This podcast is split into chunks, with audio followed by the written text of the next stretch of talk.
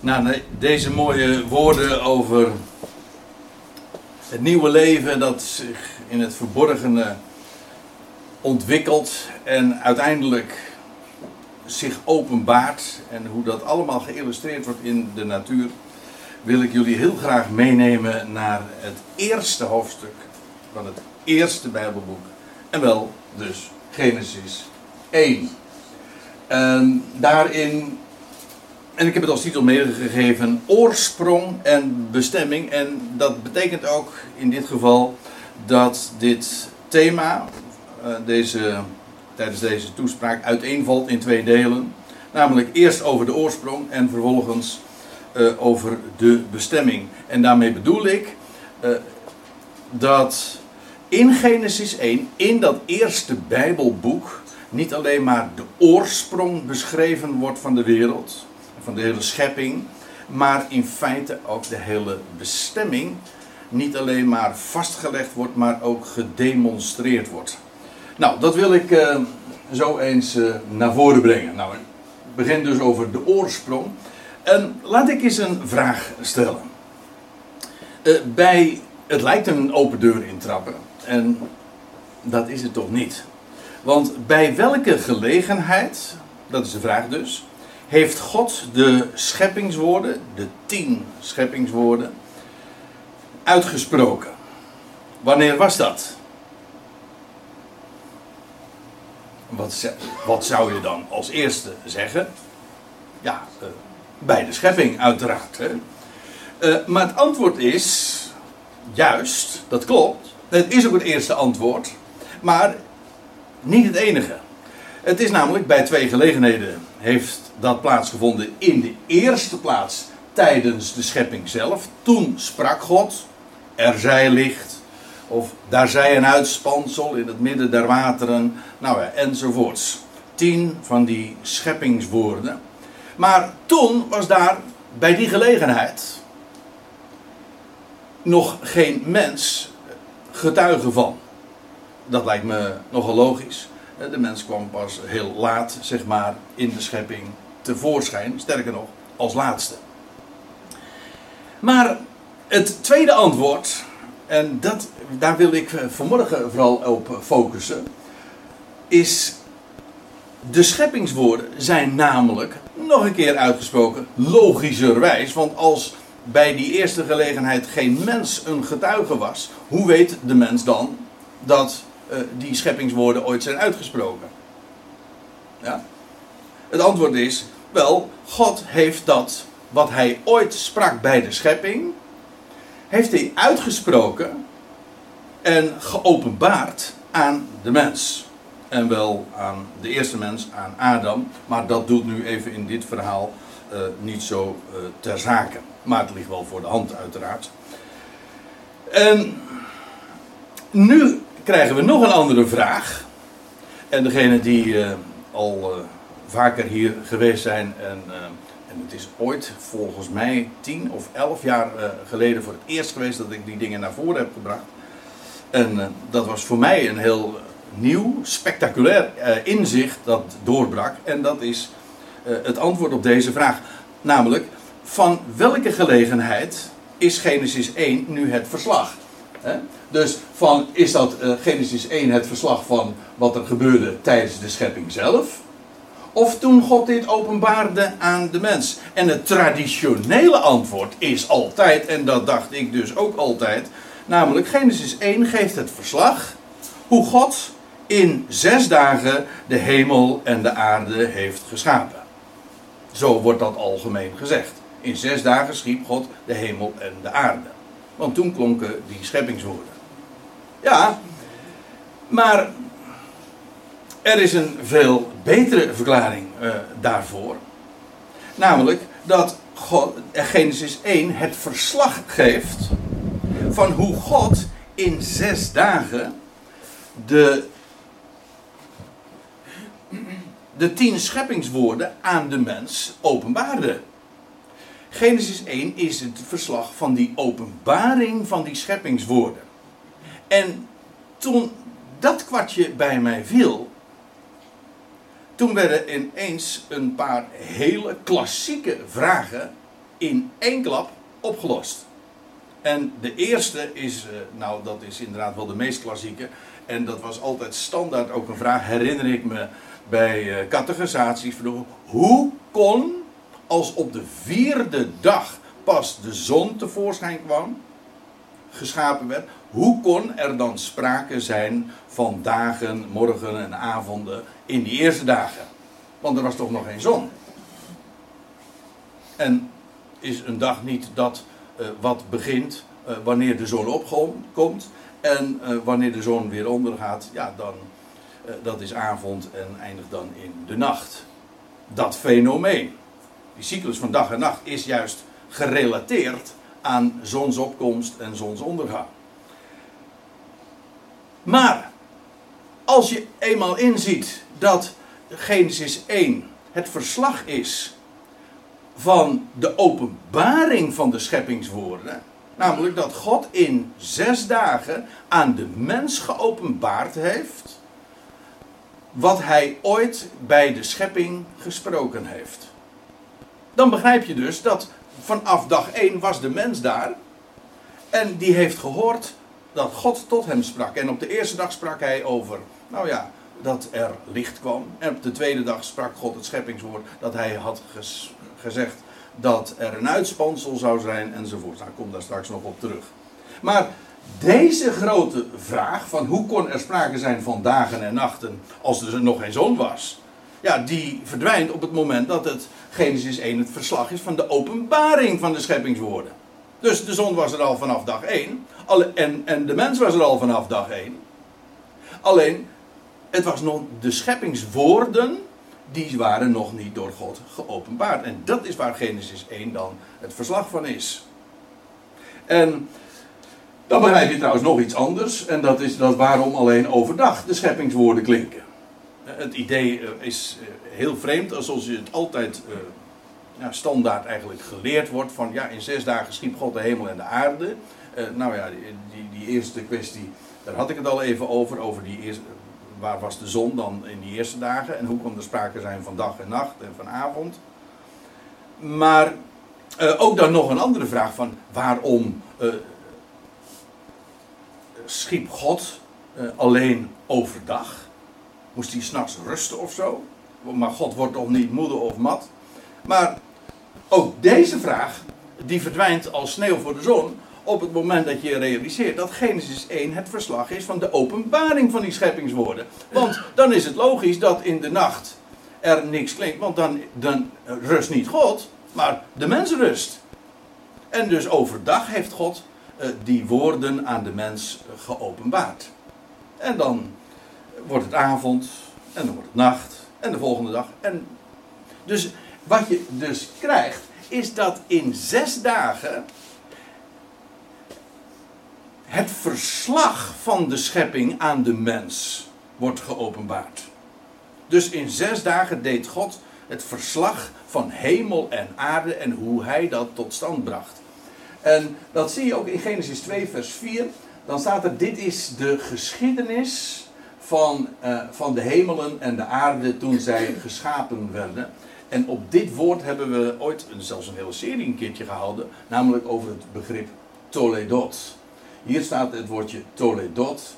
En dat is inderdaad zoiets als een geschiedenis, maar ook in de letterlijke. Geschiedenis betekent letterlijk ook dat wat gedocumenteerd is, is en geboekstaafd is. En uh, het wordt dit woord wordt elders in Genesis uh, heel wat keren gebruikt. Ik ga er nu verder niet op in, maar het wordt altijd vertaald dan, in de NBG staat het met geslachtsregister. Dus als ze het hier consequent hadden gedaan, dan had hier ook gestaan, dit is het geslachtsregister van de hemel en de aarde. Maar dat klinkt een beetje raar. Maar het is in ieder geval wel de registratie van hemel en aarde. Of zoals de Septuagint, dat is de Griekse vertaling van het Oude Testament, die zegt hier Biblos Genesios. En dat betekent letterlijk Biblos, dat is boek. En dat Genesios, eh, Genesis, genetica, heeft te maken met wording. Het boek, eh, eigenlijk het boek Genesis. Genesis is ook eigenlijk Grieks en betekent gewoon wording. Boek van wording. Eigenlijk in Genesis uh, wordt alles. Uh, de, de wording van hemel en aarde, de wording van de mens, de wording van de volkeren, de wording van het volk Israël. Alles komt, zeg maar, tot ontstaan en dat wordt beschreven in Genesis. Maar goed, Genesis 1 is dus eigenlijk de geschiedenis, de registratie, de boekstaving van de schepping van hemel en aarde. En dat boek dat kwam tot stand in zes dagen. En de mens heeft dat genoteerd.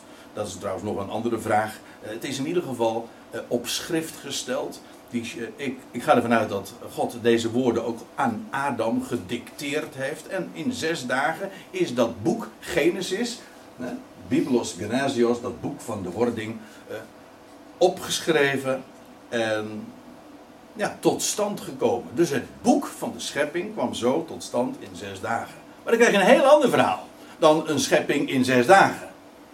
En uh, ja, wat de consequenties van deze benadering is, uh, zijn, dat uh, ja, hoe lang God aan over de schepping heeft gedaan, ja, dat is dus in Genesis helemaal niet aan de orde. Het gaat over de openbaring van de schepping. Dat vond plaats gedurende zes dagen. En op de zevende dag was het klaar. En hoe lang de schepping zelf geduurd heeft, staat er niet. Dat is niet het onderwerp in het boek Genesis. Ja, in den beginnen schiep God de hemelen en de aarde. En nou ja, maar hoe lang dat geduurd heeft, dat is gewoon x tijd. En als de wetenschap zegt dat zijn miljarden jaren geweest, die hebben zij trouwens ook erg nodig. Want ja, als het allemaal vanzelf ontstaan moet zijn, dan heb je daar hele lange tijd voor nodig. En dus moet dat dan ook uh, zo geconstrueerd worden. Ik steek mijn hand er niet voor in het vuur. Maar als je nou vraagt aan mij, heb je er problemen met die miljarden jaren? Nee. Voor mij mag het nog tien keer langer, daar gaat het niet om. Maar het, Genesis doet daar geen uitspraak over. Genesis 1 zegt, spreekt wel over zes dagen. Ja, dat het boek tot stand kwam. De openbaring van de schepping. Nou ja ja, de openbaring van die schepping, die duurde zes dagen. En dat betekent dus dat de Bijbelse historie, die begint bij Adam. Historie betekent eigenlijk ook uh, geschreven geschiedenis. Hè. Vandaar ook dat het woordje prehistorie, dat is algemeen de aanduiding van, ja, dat is weliswaar, uh, het heeft uh, plaatsgevonden, maar voordat er een mens was die dat kon beschrijven. Dat is prehistorie. En de Bijbelse historie ja, begint bij Adam, 6000 jaar geleden. Vrij precies trouwens. En, ja, en over de prehistorie, en daarmee bedoel ik dan de wereld voor Adam. De pre-Adamitische wereld. En hoe lang die geduurd heeft. En wat daar plaatsgevonden heeft. Ja, daar vind je dus.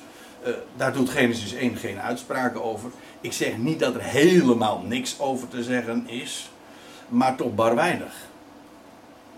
De Bijbel, Genesis, begint feitelijk bij Adam.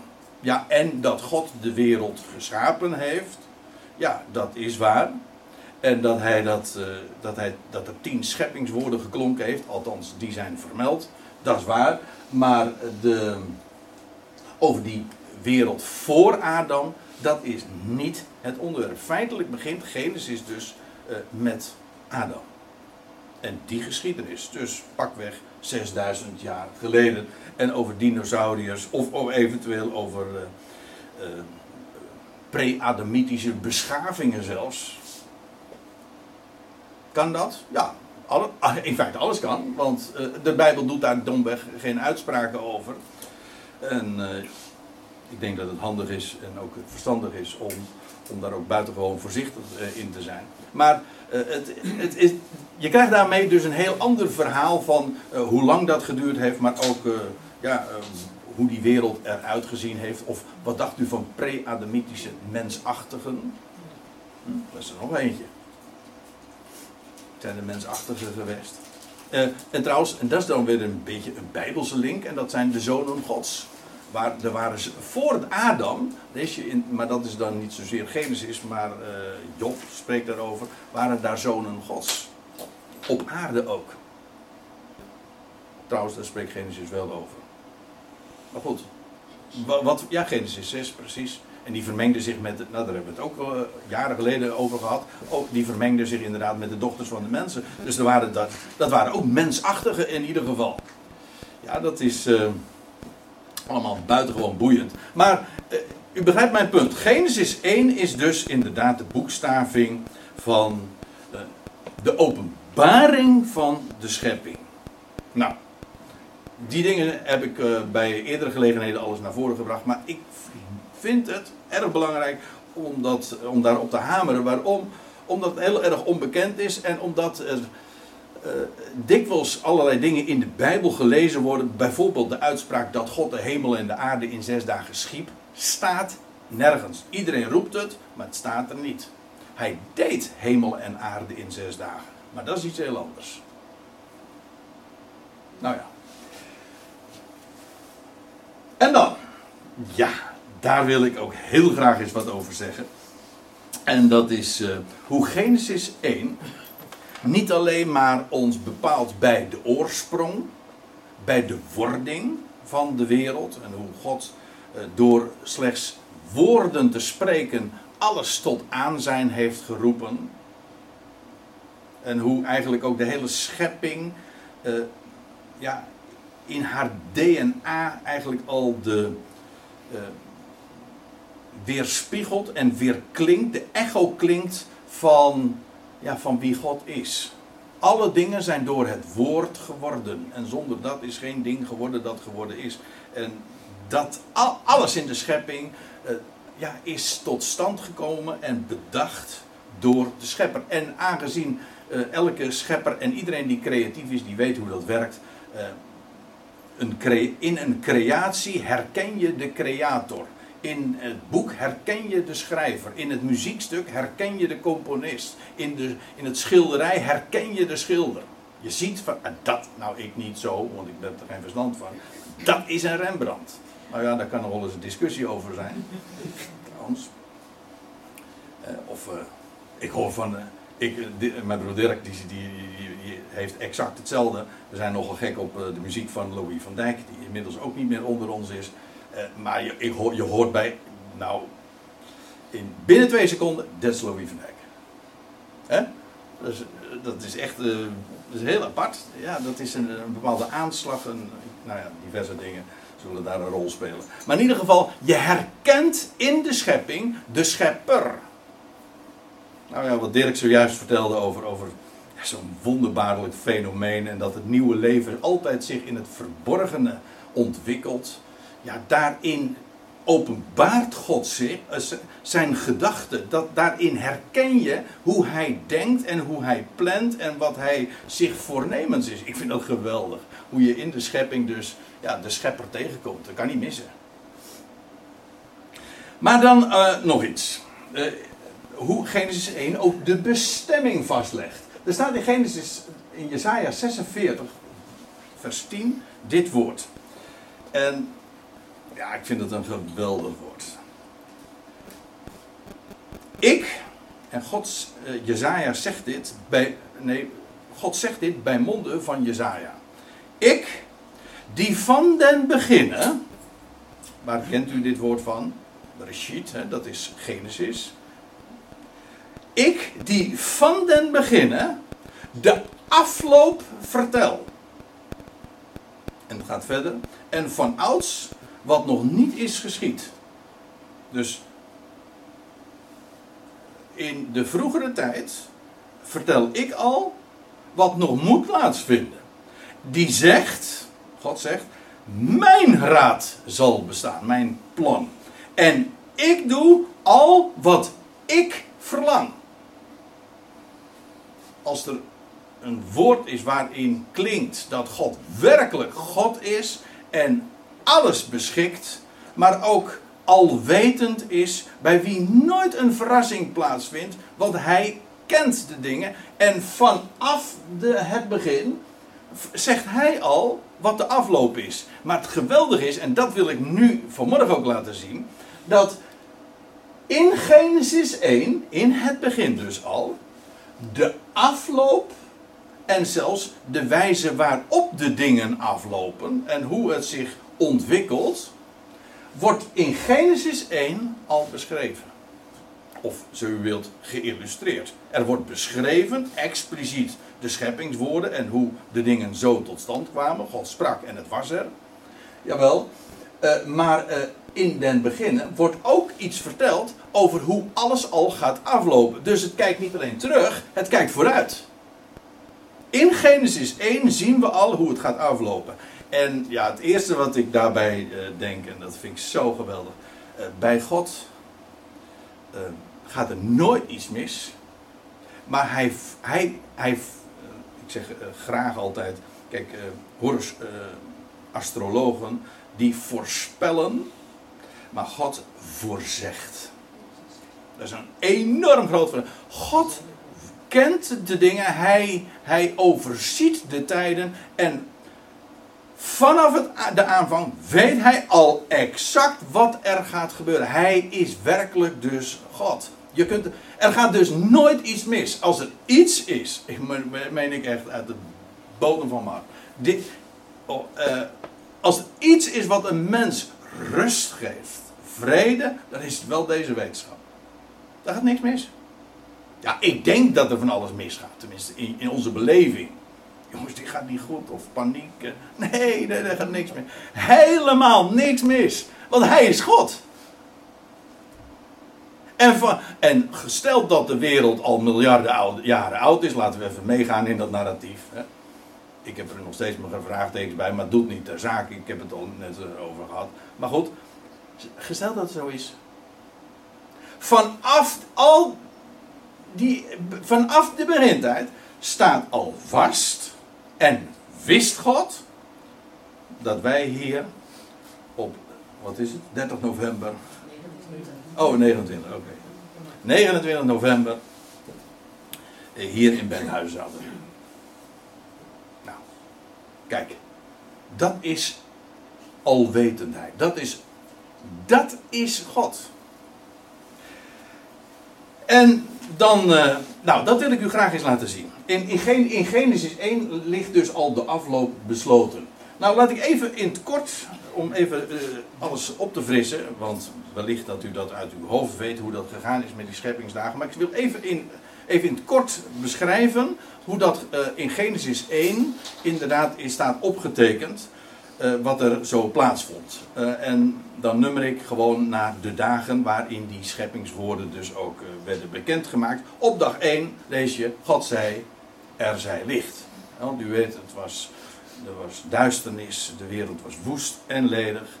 En, en, God gaat orde scheppen en dan gaat ook de wereld vervullen. Heel mooi trouwens, het is een geweldige structuur, want in de eerste drie dagen vormt hij de dingen. En in de laatste drie dagen uh, vult hij de dingen. Het was eerst woest en dan brengt hij daarin vorm aan.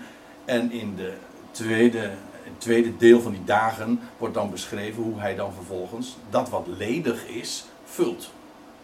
De aarde, de wateren, de hemel enzovoorts.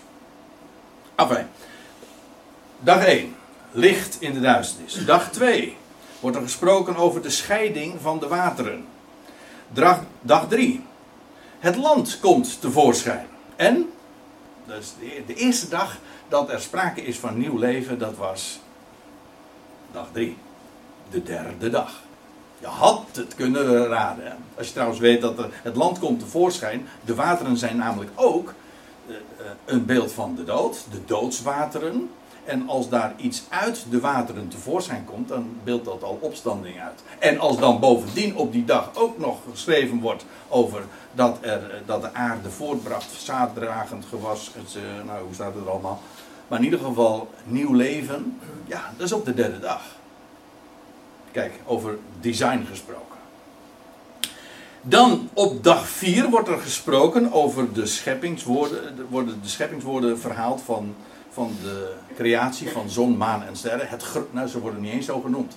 Het grote licht, het kleinere licht en benevens de sterren. En die worden daar uh, neergezet, ook met een, met een oogmerk staat er, tot onderscheiding hè, voor de gezette tijden, voor jaren en dagen. Dat is waar die, die tekenen uh, voor dienen. Wat voor functies ze in het heelal verder nog mogen hebben, dat eigenlijk komt niet eens aan de orde. Het gaat erom, uh, dat wordt zo, om die reden, wordt dat uh, gecreëerd. En, uh, nou, dat wordt op dag, dag 3 dan beschreven. En dan dag 5, de creatie van waterdieren, bijvoorbeeld zo'n schildpad. Nou, is een, een beetje een twijfelachtig geval, omdat hij deels ook op het, op het land is. Maar het is toch een waterdier, ja. En, maar ook uh, van de vogels. En dan dag 6. 6 is het getal van de mens. En op de dag 6 lees je over de creatie van de mens. De mens verschijnt dan op het toneel. Waarom? Om te heersen over alles wat God geschapen heeft. En dan dag 7 is uh, de rustdag. En God heiligde die. Hij staakte. Het woord Shabbat betekent eigenlijk ook staken. Het is heel leuk als je dat in het modern Hebreeuws ook bekijkt. Daar, uh, bijvoorbeeld als arbeiders staken, dan, dan, zit, dan zit daar uh, dat woord in van Shabbat. Gewoon staken. Betekent dus niet zozeer rusten, maar gewoon je, je kapt ermee, ophouden. Dat is Shabbat. Dus je staakt je activiteiten, je bezigheden en een dag hou je even pauze. Het is eigenlijk een pauze, ja. Maar goed, een rustdag. Dat is dag 7. Nou, nou, wat ik u wil laten zien, is dat deze zeven dagen, waarin deze scheppingswoorden klinken, tevens een beschrijving zijn van hoe God naar de grote rustdag toe werkt. Vanaf het begin werkt hij dit zo af en loopt de geschiedenis volgens dit patroon. Dit is wat hij doet en dat wil ik graag laten zien. Nou, laten we eens uh, het stap voor stap, of dag voor dag in dit geval, eens bekijken. Dan staat er dit. Uh, op dag 1, dan krijg je het licht in de duisternis. Nou, dat beschrijft, als je het uh, profetisch bekijkt, of typologisch, of hoe je het ook maar noemen wilt, de tijd eigenlijk sinds Adam. Sinds Adam buiten de hof vertoeft, moet ik erbij zeggen. Want er was duisternis. Maar wat God doet, er was weliswaar duisternis. De mens wordt buiten de hof geplaatst. Maar hij krijgt licht. En dan lees je, dat wordt in de Bijbel ook zo genoemd in Romeinen 2, vers 15, het licht van zijn geweten. Het woord geweten, dat is eigenlijk ja, het oud-Nederlands woord is conscientie, maar in het Engels zie je het ook conscience. Betekent eigenlijk letterlijk con, dat heeft te maken met mede, samen. En uh, dat scientie, dat is uh, science, wetenschap. Dus mee, eigenlijk is geweten, dat heb je nooit geweten misschien, maar uh, het is medeweten, samen weten. dus het geweten is, je weet iets samen met een ander. Ja, en, en wat is dat samen met? Nou, met God. God weet dingen en hij deelt die wetenschap met de mens. De mens, elk mens heeft een geweten. Hij weet bepaalde dingen. En waar komt dat vandaan? Nou, dat komt van God die hem ja, dat ingelegd heeft. Ja, hoe weet zo'n schildpad dat, die daar de, dat daar de zee is en niet daar? Ja, dat, dat, dat weet ik dus ook niet, nee. Maar hij, hij, zo'n schildpad weet het. Nou, een mens weet, zo weet een mens ook dat God er is. Ja, hij kan dat onderdrukken. Moet je heel, veel, heel goed je best voor doen. Maar goed, als het dag in dag uit geïndoctrineerd wordt, dan, eh, dan, uh, ja, dan word je op een gegeven moment wel murf. En dan denk je dat het nog waar is ook. Ja, ja dat is gewoon de wereld, dat is gewoon deze aion. Maar de mens weet dat gewoon. Maar als het heel erg erom gaat spannen, gaat hij toch om God roepen. Gek hè? Hoezeer die ook bijgebracht is dat hij niet bestaat. Maar een mens weet natuurlijk dat dat onzin is. Elk mens dat begiftigd is met verstand weet dat God er is. Nou goed. Um, maar er was trouwens nog iets. Want wat God toen af, vanaf het begin heeft gegeven aan de mens. Toen hij in de duisternis verzeild raakte. Was trouwens ook niet. Uh, ja, uiteraard ook uh, volgens plan natuurlijk. Het, God de mens overtrad. Maar het was niet zo dat de mens daarmee uh, Gods plan uh, doorkruiste. Want dat bestaat dus niet. Maar goed, eh, toen gaf God meteen al de belofte dat ooit het zaad der vrouw, zo wordt het genoemd, de kop van de slang zou vermorzelen. Dat was het licht dat God al gaf. En in feite, daar hebben we het ooit ook eens over gehad, daar moeten we het nog eens over hebben. eh, dat is al eh, vanaf, sinds, vanaf mensenheugenis bekend. Namelijk dat dat in de sterren staat geschreven. Al die sterrenbeelden spreken over, de, over het zaad van de vrouw die de kop van de slang zal vermorzelen. Die, al die sterrenbeelden die beginnen bij de maagd. Ja, ja. Die uiteindelijk eh, de leeuw wordt. Hè. Van, vanaf de maagd tot aan de leeuw. Al die sterrenbeelden, eigenlijk zijn het er 48. Eh, vertelt dat het verhaal wat God zou gaan doen. Het licht van, ja letterlijk dus ook het licht aan de hemel. eh, dat vertelt het verhaal van wie, eh, ja, van de belofte die God aan de mens heeft gegeven. En vanaf Adam is dat bekend. Een, ja, een heel apart verhaal. Maar ik bedoel dit te zeggen. Vanaf het begin heeft God zijn licht doen schijnen in de duisternis.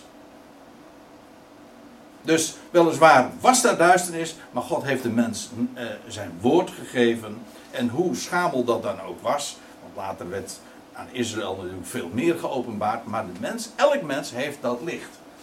Nou, dan krijg je dag 2. Dat is de, da- de dag waarin melding gemaakt wordt van de scheiding van de wateren. En ja, als je de Bijbelse typologie kent, dan weet je dat de wateren een, eh, een beeld zijn van de volkerenwereld. Ik heb hier een voorbeeld gegeven, er zijn er meer trouwens. Maar eh, de wateren spreken inderdaad van, van. Wij spreken trouwens ook over de volkerenzee. Nou, dat is een hele Bijbelse gedachte. Over de, ook die inderdaad zeer woelig zijn. En eh, de, de, van volkeren is pas sprake sinds de zondvloed. Er waren trouwens ook wateren. Ja. Maar eh, dat wil zeggen sinds Noach. Dus dag 1 is, begint bij Adam. Dag 2 begint bij Noach. Want na de zondvloed lees je ook inderdaad dat de, de, de volkeren uiteen gedreven worden. Nou ja, ja, want de mens zou zich verspreiden, maar de mens had dacht van, eh, die wilden samen klonteren. En toen kreeg je het verhaal van Babel. En toen verstonden ze elkaar niet meer. Sorry. En wat er toen gebeurde is dat al die families uiteen gegaan zijn. Dat was allemaal niet zo gek veel, eh, natuurlijk, toen de tijd. En die die, al die families zijn volkeren geworden, maar die hebben zich verspreid over de aarde. Toen ontstonden de volkeren. En, dat is, eh, en die worden inderdaad eh, onderscheiden. En dat is sinds Noach aan de orde. Dus de scheiding der wateren, dat is, eh, bepaalt ons bij wat de waarheid is sinds de dagen van Noach. Dan krijg je dag 3 en dan, ik heb het al gezegd, verschijnt het land. Nou, als nou de wateren een beeld zijn van de volkerenwereld in het algemeen, waar is het land dan een beeld van? Nou, dat is eigenlijk niet zo moeilijk. Als ik het, als ik, zelfs als ik het zo zeg, het land, dat is in de Bijbel zelfs de standaarduitdrukking voor Israël. Haaretz.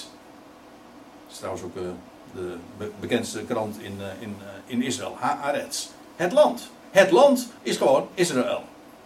Dus het land kan een aanduiding zijn van. het wordt dan meestal vertaald met de aarde. Maar dat is in de Bijbel geen planeet. Nee, het is gewoon het droge. God noemde het droge aarde en de wateren zeeën. Dat is, de, dat is de definitie. De zeeën is een uitbeelding van de volkerenwereld. Maar uit de volkerenwereld roept hij een stuk land tevoorschijn. Hij riep, en daar spreekt het van, uit de volkeren, de wateren, komt het land tevoorschijn. Sinds Abraham, want God riep uit de volkeren één man, Abraham, en hij beloofde hem het land. En daar moest hij dan ook, en hij wees hem ook eh, naar die kant, naar dat land toe.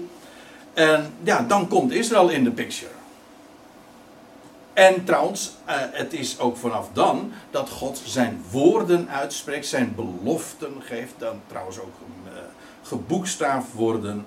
De woorden Gods, ja, die zijn juist aan dat volk en het volk van het land toevertrouwd. Dus eh, ook dan uh, daar spreekt dat Satan weer van, waar de derde dag uh, dus ook voor het eerst uh, sprake van is. U ziet, via allerlei lijnen kom je op diverse dingen en toch, het zit allemaal al in de kiem, in Genesis 1, besloten. Het land komt tevoorschijn en dat hier Adam, Noach, hier Abraham. Uit de volkerenwereld ontstaat Israël. En dan krijg je dag 4. En dat, uh, dan worden de er tekenen gegeven. Ter onderscheiding van de tijden. En dat spreekt van de, de tekenen, letterlijk ook. De vele tekenen die God heeft gegeven. Als aanwijzingen voor de gezette tijden, dagen en jaren. En dat is de Torah. De wet van Mozes die God aan is, uh, sinds Mozes aan Israël heeft gegeven. Uh, dag 4 bepaalt ons inderdaad bij uh, de dagen sinds, sinds Mozes dat hij vele tekenen, illustraties, beelden, typen heeft gegeven, inzettingen, allemaal inzettingen, maar die allemaal profetisch wijzen op dat wat zou komen. En ook inderdaad op gezette tijden. Trouwens, we weten allemaal dat als je wil weten van eh, de gezette tijden over de kalender van God, wanneer gaf God zijn kalender? En wat er gebeuren zou over de eerste maand, de zevende maand en nou ja, uh, de Shabbat en al die dingen, al die inzettingen, al die tekenen, die gaf God aan Mozes. En via, of hij gaf het aan Israël, via Mozes. Sinds Mozes is dit de, de situatie. Dan krijg je vervolgens dag 5. Je ziet gewoon de wereldgeschiedenis, of zo u wilt, de heilsgeschiedenis, voltrekt zich zo uh, in fases. En dan krijg je dag 5. En op dag 5 is er even het land niet in zicht. Is niet het onderwerp. En dan weet je al, trouwens bij het getal 5 zou je daar meteen al op uh, gewezen moeten worden. Want 5 heeft iets met genade, maar ook met verborgenheid te maken. En uh, op dag 5 uh, eh, vind je dus de creatie van de waterdieren, zo wilt de vissen, niet helemaal juist, want ook dolfijnen. de grote waterdieren, zo worden ze genoemd. maar afijn, vissen voor het gemak even en de vogels. Ja, waar het van spreekt, is uh, dat uh, in deze, op deze dag is het land even buiten beeld. En creëert God leven in de wateren. Maar we zagen daarvan al, de wateren zijn een uitbeelding van de volkeren. En, maar wat hij ook doet, hij, hij geeft bewoners in de hemel, in het uitspansel, de vogels. En dit spreekt van de tijd sinds Paulus. En wat dacht je wat? Paulus betekent ook pauze. Dat onderbreking. Het land is even niet in zicht. Tijdelijk staat Israël terzijde. En wat doet God? Hij creëert te midden van de volkerenwereld, te midden van, ook verborgen trouwens, allemaal onder de oppervlakte, heel leuk. Hè? Onder de oppervlakte uh, creëert hij leven, maar hij geeft het ook een hemelse bestemming. En dat is precies waar, uh, ja, waar, waar met name ook uh, wat gemarkeerd wordt door de bediening van de apostel Paulus die inderdaad eh, geroepen werd om te herauten onder de volkeren. Maar waarom? Opdat God een volk zich zou vergaderen, bestemd voor de hemel, bestemd één lichaam te zijn met uh, het hoofd, met Christus. Nou ja, daar is een heleboel over te vertellen. Het gaat nu even om dat het uh, ook dag 5 weer een fase in de heilshistorie beschrijft. En dan krijg je dag 6.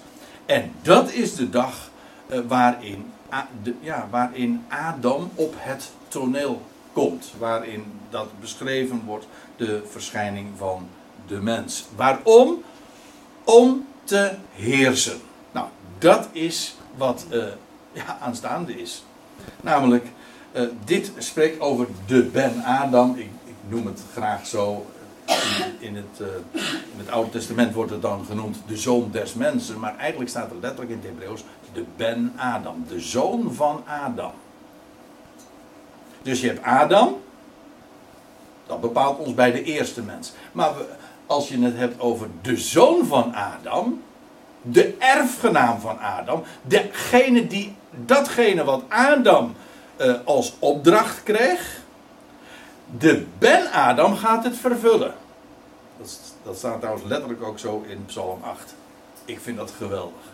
Maar uh, ja, waar dag 6 van spreekt, is dat de mens, maar dan de definitieve versie, de laatste Adam, zo u wilt, de Ben-Adam, de zoon des mensen, op aarde verschijnt.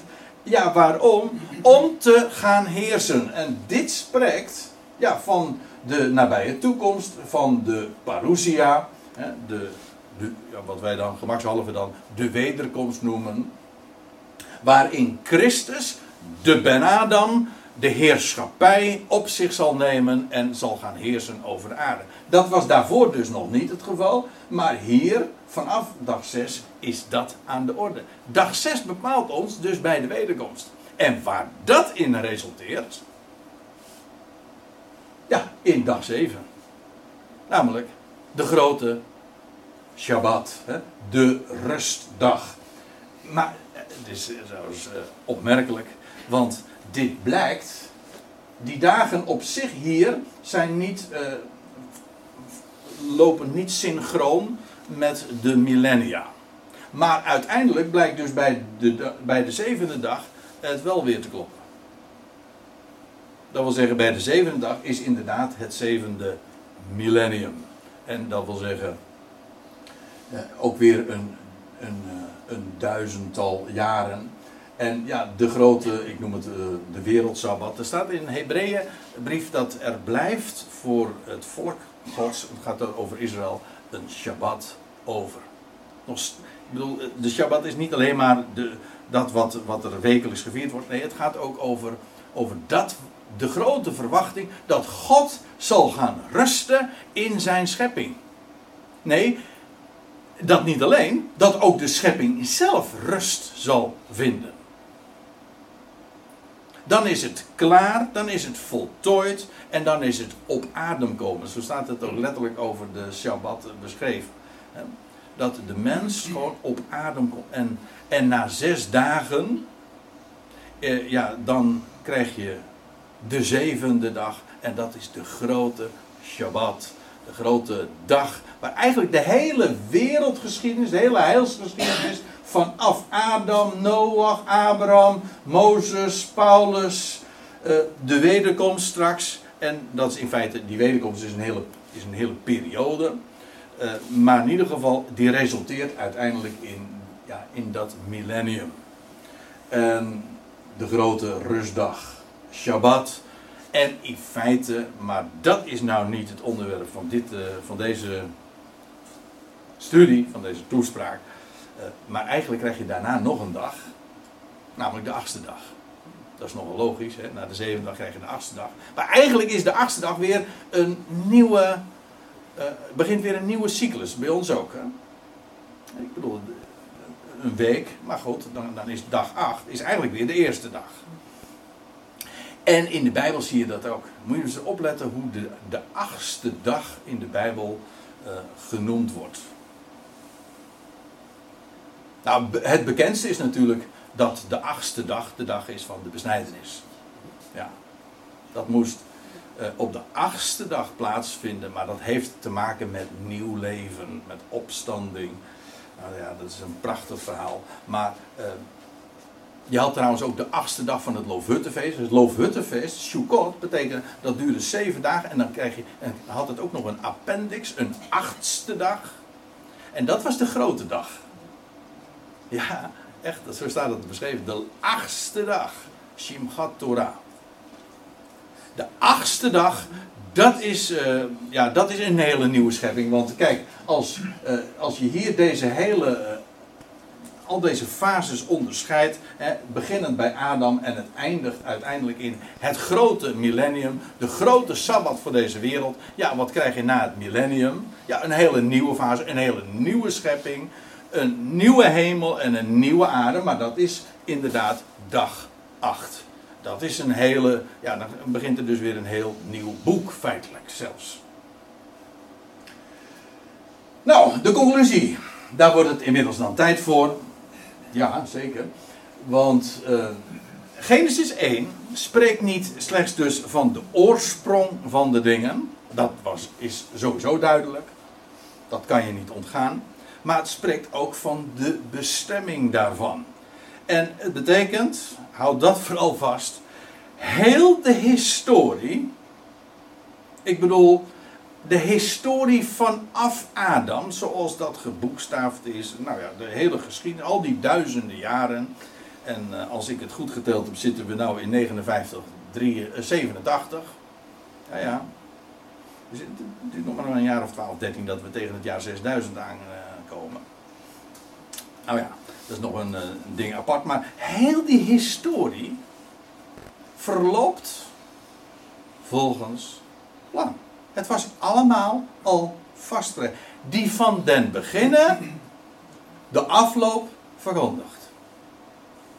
En hij maakt alle dingen wel. Nou ja, dat is wat uh, Dirk al, uh, al veel eerder aangaf. En, en, en, en, de cirkel is weer rond. Want dat is precies ook wat, uh, waarom uh, de Bijbel werkelijk een goed bericht is. Er is er één die alles in handen heeft. Maar als hij nu alles in handen heeft. En hij alles bedacht heeft. En dat er nooit iets mis kan gaan bij hem. Dan betekent dat dat de goede afloop, de happy end, gewoon absoluut vaststaat op voorhand. En niet vanwege de mens, maar ondanks de mens. Gewoon omdat God God is en hij heeft de dingen in handen. Kijk, dat is hoop. Dat is werkelijk verwachting. Ja, en daarmee dus ook uitzicht. En ja, dan, dan in feite, als je zo leeft, dan heb je nu al uh, de rust. Dan is eigenlijk nu al de sabbat begonnen. Of zo wil, de achtste dag. Ja. Nou ja, wat ik al, uh, wat inmiddels al duidelijk geworden was, wij leven momenteel aan het einde van, die, van, die, van dat zesde millennium. En ja, wat dacht je wat? En uh, voordat deze samenkomst aanving, toen hadden we het al even over de allerlei ontwikkelingen die, die nu gaande zijn. Vooral in de, ja, nu, ja, 2020, dit decennium is nog maar net van start gegaan. En wat een merkwaardige ontwikkelingen. Dit is zo bizar en absurd, maar het gaat in een stroomversnelling. En wij denken dan van, nou, wat, zijn ze nou helemaal gek geworden? Ja, dat, dat dacht Dirk toen hij in het vliegtuig stapte. Maar ik denk het, ik denk het veel vaker. Wat zijn we nou helemaal van de pot gerukt? Ja, dit echt is zo belachelijk. Waar, waar, waar zit het verstand? Echt. Sorry, wat zei u? Oké. Ja, die lag ook wel erg voor de hand, ja. Maar, en dan denken we, en dan denken we dat we moeten gaan protesteren en dat we er wat tegen moeten. Mensen, dit, dit moet allemaal zo gaan. En maak je borst maar nat, het wordt nog veel gekker. Dus dat zeg ik ter bemoediging dan. Hè? Ja. Nee, bepaalde dingen moet je gewoon weten, want dat, dat scheelt weer een heleboel frustratie. Frust, gefrustreerd raak je op het moment dat je, dat er bepaal, dat, dat je bepaalde verwachtingen uh, uh, niet vervuld worden. En ja, dan word je teleurgesteld, gefrustreerd. Als je weet, als je op voorhand. Kijk, en dat, is, dat helpt heel erg als je weet dat de afloop goed is. Vols, nee, niet goed. Ultiem. Het is het beste wat je maar kan bedenken, want het is bedacht door de schepper zelf. En vele malen beter dan wij ooit zou, maar zouden kunnen verzinnen. Nou, als je dat nou weet, en als je weet dat het niet alleen maar het, het doel en de bestemming die hij zich gesteld heeft de beste is, maar ook nog eens een keer het traject dat hij gaat, zijn weg is ook de beste. Altijd. Dat zingen we toch hè, in zo'n lied. Gods weg is de beste. De beste altijd. Als je dat nou weet, dat scheelt heel veel frustratie. Nou. En ja, dan. Uh, dan kijken we uit naar uh, die grote Sabbat die er gaat komen. En dan, uh, ja, het wordt, dat vind ik het mooie. Het wordt eigenlijk steeds mooier, want dan krijg je de zevende dag en, en daarna nog de achtste dag. En dat overtreft het nog weer. Kortom, uh, het houdt niet op. Het is hoop op hoop. Hè? Zo spreekt de Bijbel erover. nou ja, dat is, dat is de hoop die, die ons hier bij elkaar brengt. Dat is levende hoop. En dat is een zekere verwachting.